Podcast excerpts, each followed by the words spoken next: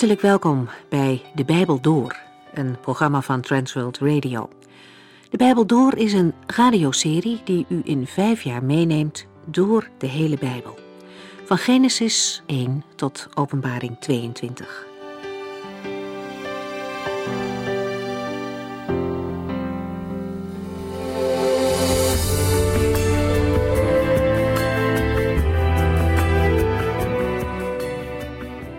Welkom weer.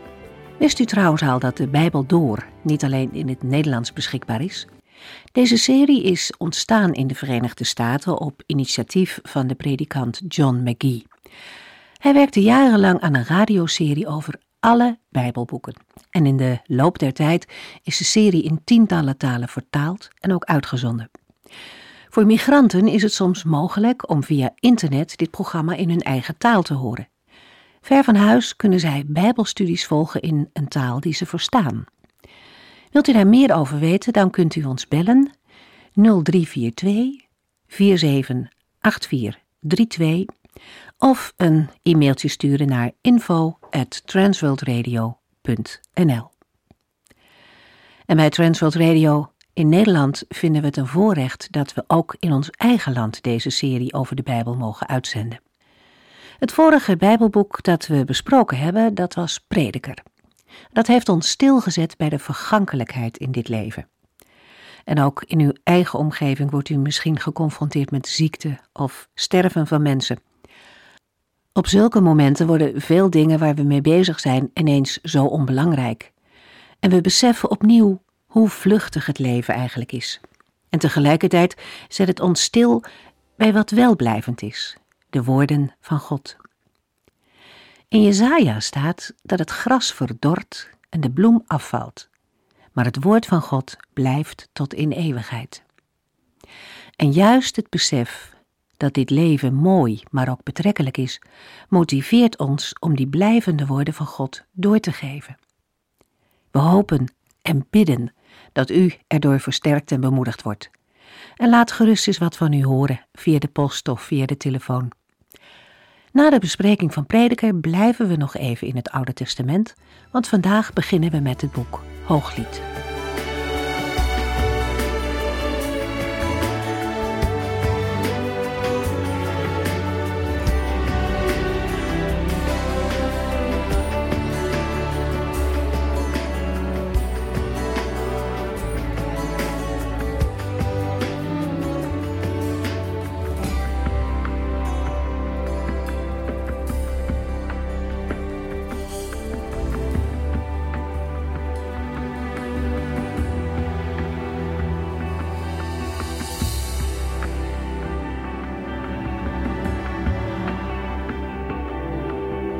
Het Bijbelboek Hooglied is een schitterend poëtisch werk, maar voor lezers vaak verwarrend door de vele mogelijkheden van uitleg en interpretatie. Mede daarom hebben wij de introductie van het Bijbelboek Hooglied gesplitst in twee delen. In deze uitzending komen de volgende onderwerpen aan de orde: de naam en de plaats in de Bijbel, het auteurschap en de datering, de hoofdpersonen en de Oosterse context van het Bijbelboek Hooglied. Het woord hooglied is voor Nederlanders niet onmiddellijk duidelijk. Het is overgenomen uit het Duits, waar Luther de Hebreeuwse woorden vertaalde met das hohe lied. In het Duits is dat verwant met Hochzeit, dat bruiloft betekent. Daarmee wordt duidelijk dat het lied over een bruiloft en de daarbij behorende liefde tussen man en vrouw gaat. De naam van het Bijbelboek zijn de eerste Hebreeuwse woorden. Letterlijk vertaald betekenen deze woorden lied van de liederen.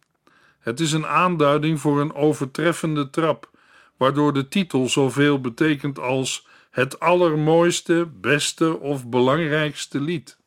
Andere voorbeelden van deze woordcombinatie zijn de koning der koningen. Het betekent de allerhoogste koning, het heilige der heiligen, het allerheiligste, de hemel der hemelen, de hoogste hemel. In de rabbijnse literatuur wordt gezegd dat het Hooglied beter is dan alle andere boeken van Salomo. Maar die uitspraak heeft mogelijk ook te maken met de geestelijke interpretatie van het Bijbelboek. In Joodse kringen was men zich in ieder geval bewust van de lichamelijke aantrekkingskracht of zinnelijkheid van het Bijbelboek Hooglied. Vandaar het advies dat een Joodse jongeman Hooglied niet voor zijn dertigste levensjaar moest lezen. Het feit dat het Bijbelboek als lied wordt aangeduid, houdt nog niet in dat het ook daadwerkelijk werd gezongen. Het reciteren van sommige gedeelten is ook mogelijk. Onder Joodse geleerden uit de oudheid en de vroege middeleeuwen zijn er geen serieuze discussies bekend over de kanonieke status van het Bijbelboek Hooglied. De vooraanstaande Rabbi Akiba geeft de hoge waarde van het Bijbelboek aan door te verklaren dat de wereld de dag niet waard was waarop dit boek aan Israël werd geschonken. De christelijke kerk volgde de Joodse aanvaarding van het Bijbelboek. Ook daar zijn aan het begin van onze jaartelling geen aanwijzingen dat er discussies waren over de waarde en de betrouwbaarheid van het Bijbelboek. Ten aanzien van het Bijbelboek Hooglied kwamen er wel twee andere zaken naar voren. In de eerste plaats vroegen de rabbijnen zich af of de Bijbelboeken Esther, Prediker en Hooglied de handen verontreinigden. Een uitdrukking die wij niet kennen en die meermalen is opgevat als een discussie over de waarde en de betrouwbaarheid van het Bijbelboek. Maar wij kunnen deze uitdrukking beter interpreteren als een discussie over rituele onreinheid. De drie genoemde Bijbelboeken bevatten immers geen van alle de godsnaam Yahweh. Dat riep de vraag op of deze geschriften dezelfde status hadden als de andere Bijbelboeken. De tweede vraag heeft betrekking op de erotische versen in de tekst van Hooglied. In de loop van de geschiedenis zijn in Joodse en christelijke kring enkele stemmen opgegaan om het Bijbelboek Hooglied uit de kanon te verwijderen. De kanon is de lijst met 66 Bijbelboeken waarvan het goddelijk gezag algemeen werd bevestigd. Maar het gezag en de betrouwbaarheid van het Bijbelboek Hooglied heeft nooit serieus ter discussie gestaan. Het Hooglied is in de huidige uitgave van de Hebreeuwse Bijbel de eerste van de vijf feestrollen die deel uitmaken van de Getubim, de geschriften, het derde deel van de kanon van de Hebreeuwse Bijbel. De vijf feestrollen zijn Rut, Hooglied, Prediker, Klaagliederen en Esther. De aanduiding feestrollen stamt uit de middeleeuwen. Het Hooglied wordt gelezen tijdens de achtste dag van het Joodse Pesachfeest, de dag waarop de bevrijding uit Egypte wordt gevierd, omdat er een afspiegeling van het verbond van de Heere met zijn volk Israël in wordt gezien. De bevrijding uit Egypte wordt gezien als een liefdeshandeling van de Heere voor zijn volk Israël. In de Talmud wordt een oudere indeling gegeven. Rut, psalmen, Job, spreuken, prediker, hooglied, klaagliederen, Daniel, Esther, Ezra, Nehemia en Kronieken. In deze oudere indeling is Hooglied de afsluiting van een serie van vier wijsheidsboeken: Job, Spreuken, Prediker, Hooglied. De reeks begint dan met een beschrijving van verdriet en eindigt met een Bijbelboek vol levensvreugde. De volgende vier boeken, namelijk Klaagliederen, Daniel, Esther en Ezra en Nehemia, beginnen met de ondergang van Jeruzalem en eindigen met de wederopbouw, en tonen daarmee ook een ontwikkeling van verdriet naar vreugde. Het Bijbelboek Rut bereidt psalmen voor en kronieken sluit het hele Oude Testament af. De plaatsing van het Bijbelboek Hooglied in een volgorde met wijsheidsboeken laat zien dat de interpretatie het Bijbelboek al in een vroeg stadium in de categorie wijsheidsboeken werd ondergebracht. Een indeling die ook te maken kan hebben met het auteurschap van Salomo. Binnen de genoemde collectie wijsheidsboeken heeft Hooglied mogelijk ook een bijzondere plaats gekregen. De Hebreeuwse tekst levert weinig probleem op. Alleen op een klein aantal plaatsen zijn in de loop van de tijd interessante voorstellen voor tekstwijziging gedaan. Er zijn vier fragmenten in Qumran gevonden met delen van Hooglied. In een grot zijn drie fragmenten gevonden die ingekorte versies van Hooglied bevatten. Mogelijk werden deze teksten liturgisch gebruikt en zij zijn daarom korter.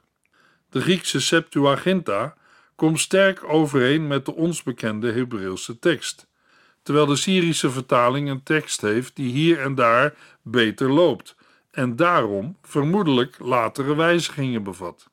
Het opschrift van het Bijbelboek Hooglied vermeldt na het lied van de liederen die van of voor Salomo zijn. Die woorden kunnen op vier manieren worden opgevat. Als eerste voor Salomo.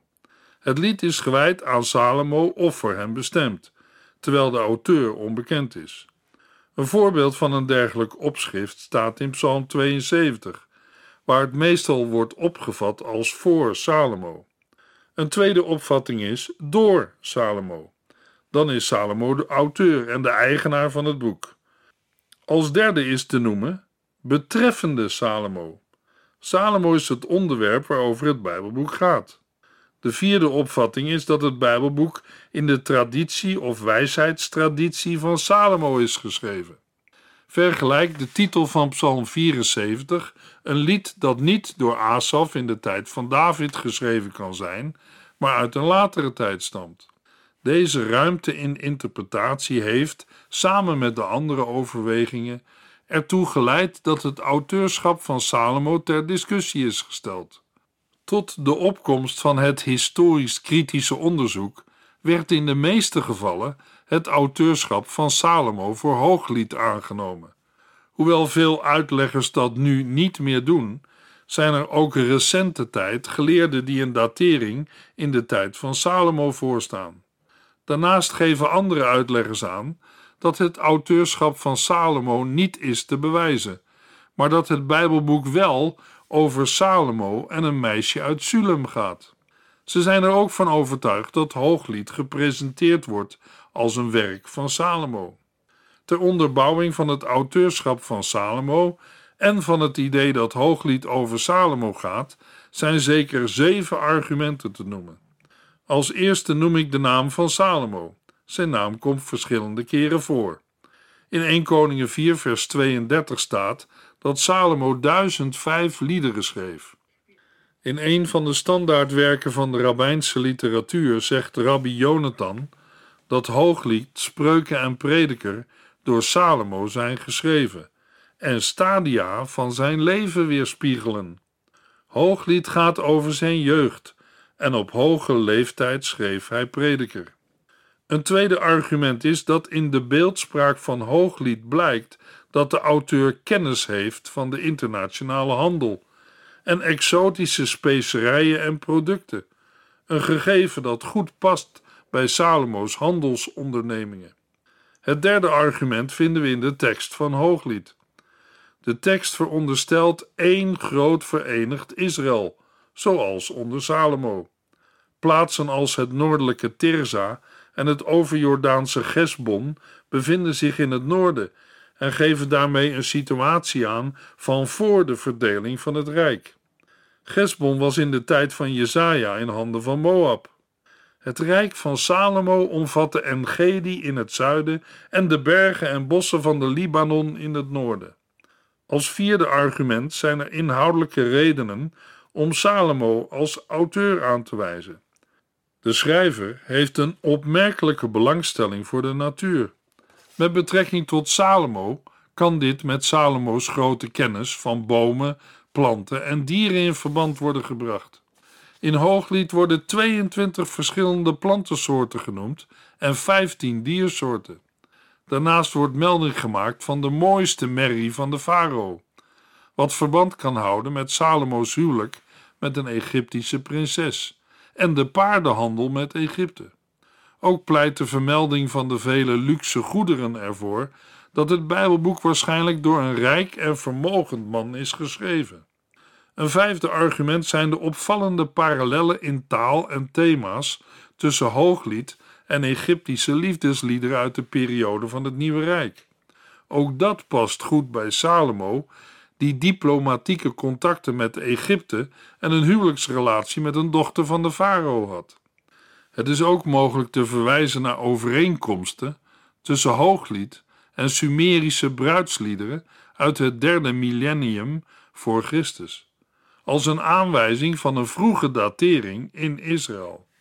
Het zesde argument vinden we in de overeenkomsten met het werkwoordsysteem van de Oegaritische literatuur uit de 14e eeuw voor Christus.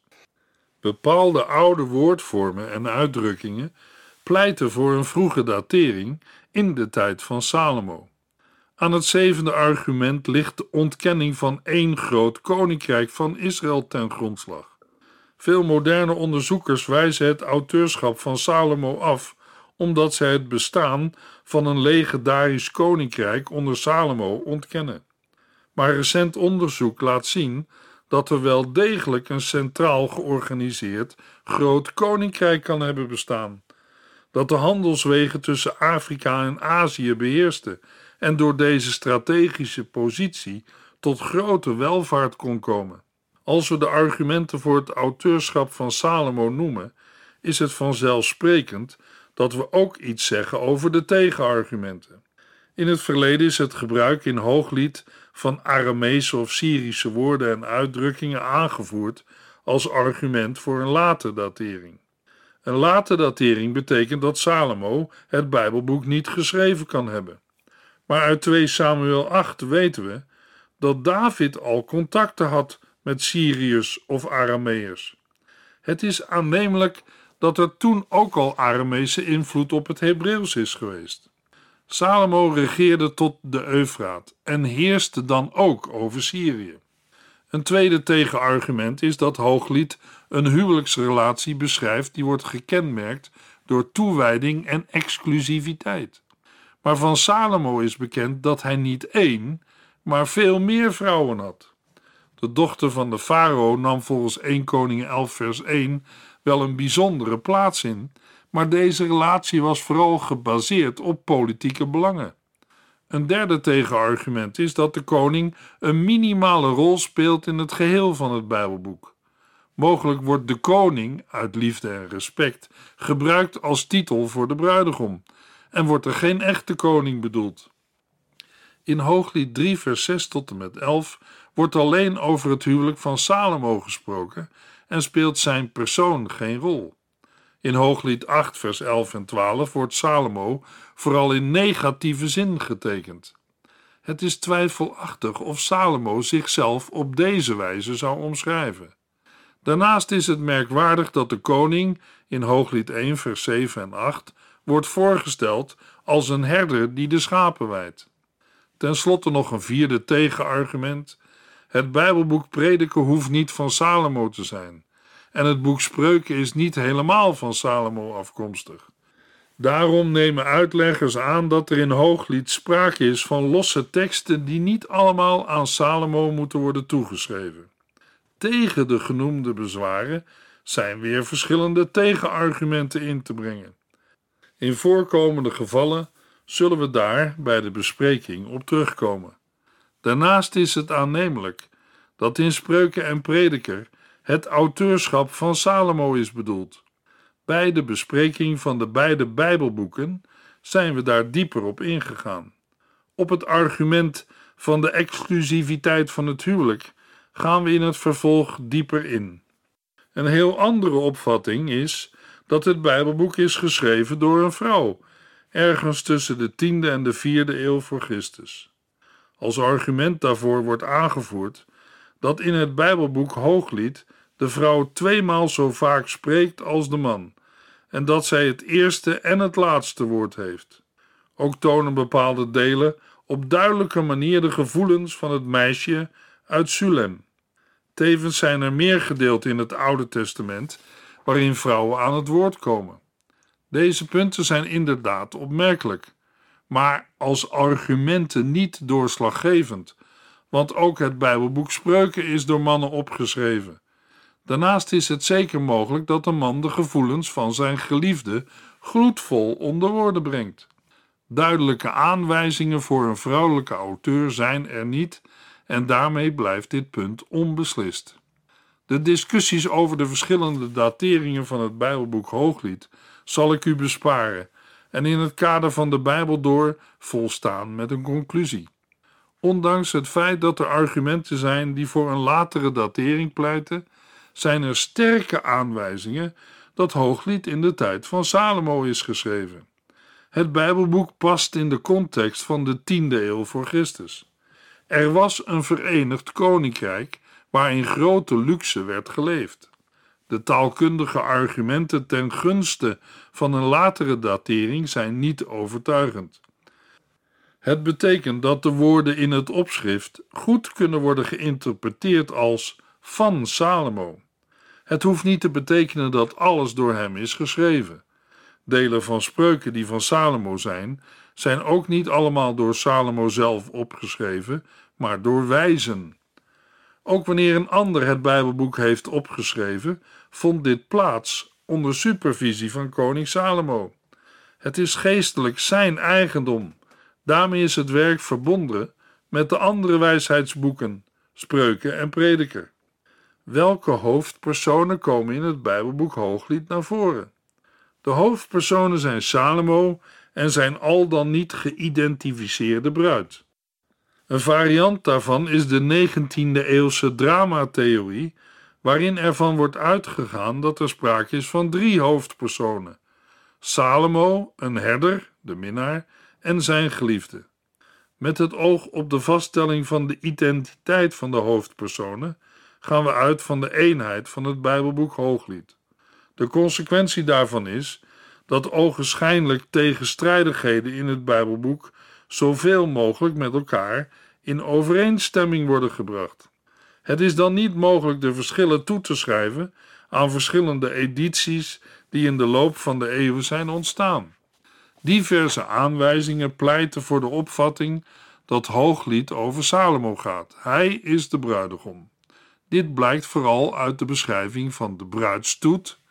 Veel zaken zijn er verbonden met koning Salomo, namelijk de draagstoel in Hooglied 3 vers 7, de draagkoets in Hooglied 3 vers 9 en de oproep te kijken naar koning Salomo, Hooglied 3 vers 11. Een andere tekst waarin naar Salomo wordt verwezen is Hooglied 6 vers 8, waar het meisje wordt vergeleken met 60 koninginnen en 80 bijvrouwen. Een bezwaar tegen de aanname dat Hooglied over Salomo gaat, is het feit dat de bruidegom, volgens Hooglied 1 vers 7, optreedt als schaapherder, wat niet past bij Salomo. Een ander bezwaar is dat een gelukkig en ogenschijnlijk exclusief huwelijk in de context van de vele vrouwen van Salomo wordt geplaatst.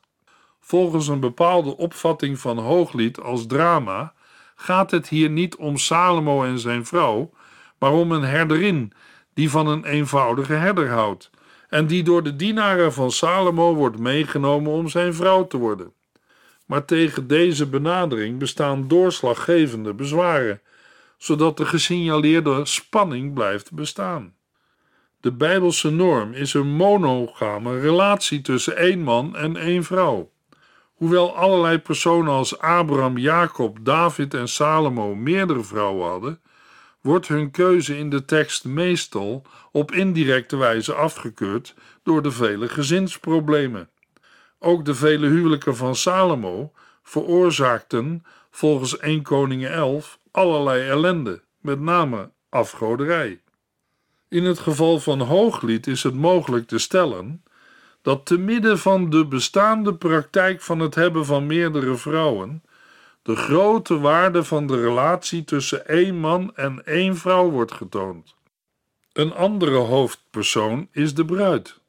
In Hooglied 6, vers 13 wordt zij een meisje uit Sulem genoemd.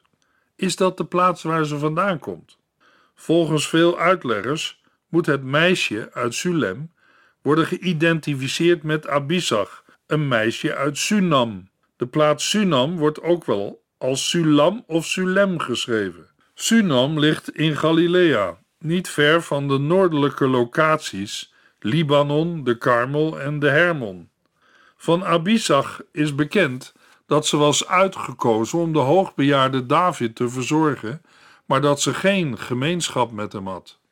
Adonia wilde haar als vrouw, maar dat werd opgevat als een claim op de troon van David en afgewezen. Op een paar plaatsen worden de meisjes of dochters van Jeruzalem aangesproken met de oproep de liefde zichzelf te laten openbaren als de tijd daarvoor is gekomen. Het is aannemelijk dat deze groep meisjes of vrouwen aan het woord is in de korte dialoog van Hooglied 6, vers 1 tot en met 3. Ook is het mogelijk dat ze ook spreken in Hooglied 6, vers 10 en 13. Deze meisjes of vrouwen vertegenwoordigen Israël als het volk van God. Terwijl in het Bijbelboek Spreuken de jongens wijsheidsonderwijs krijgen, gebeurt dat in Hooglied bij de meisjes. Nergens in de Oosterse wereld is er literatuur die volledig vergelijkbaar is met het Bijbelboek Hooglied. Bij een wijsheidsboek als Spreuken ligt dat anders vanwege de talloze overeenkomsten in details en compositie. Maar Hooglied heeft wel raakvlakken met andere teksten, vooral met de Oosterse liefdespoëzie. Uit Egypte zijn verschillende collecties liefdesliederen overgeleverd, die verwantschap vertonen met de beeldspraak, de thematiek en de gebruikte literaire vormen van Hooglied. Toch zijn er ook belangrijke verschillen. In de Egyptische voorbeelden hebben we alleen te maken met monologen van één persoon, terwijl Hooglied een veel complexere opbouw heeft. Ook in Canaan en Mesopotamië zijn liefdesliederen gevonden, maar minder dan in Egypte. Toch is er weinig reden om aan te nemen dat Hooglied afgeleid is van dergelijke teksten. We vinden in Hooglied ook beschrijvingsliederen. In een beschrijvingslied tekent de bruid de bruidegom, of andersom.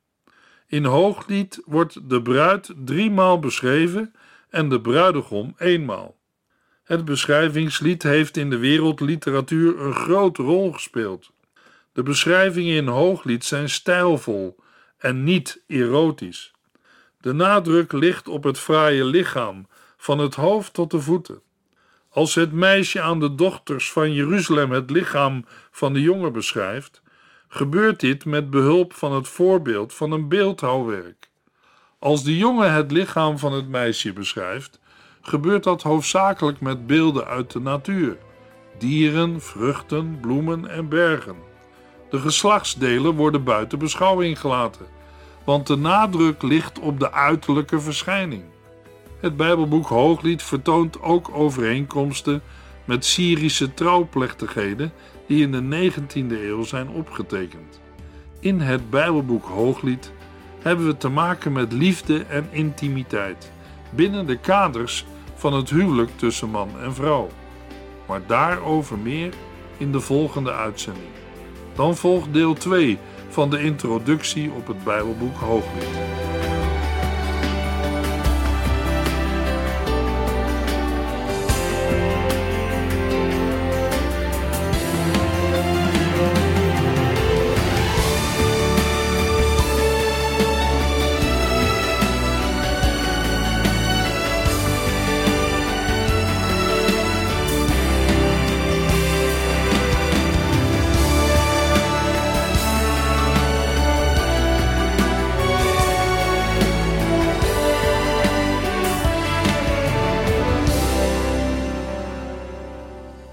Geluisterd naar De Bijbel Door.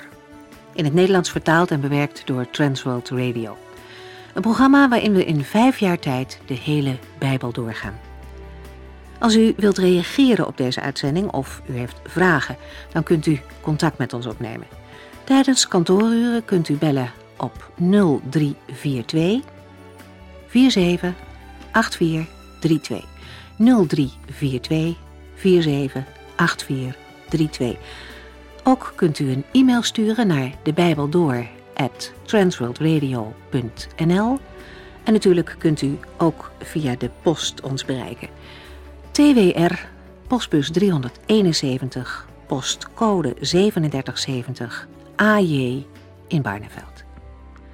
Dit programma werd gepresenteerd door Cor Weda en Ike André. Techniek was in handen van Odin van Woerdekom. En wij allemaal bedanken u voor het luisteren. Graag tot de volgende keer.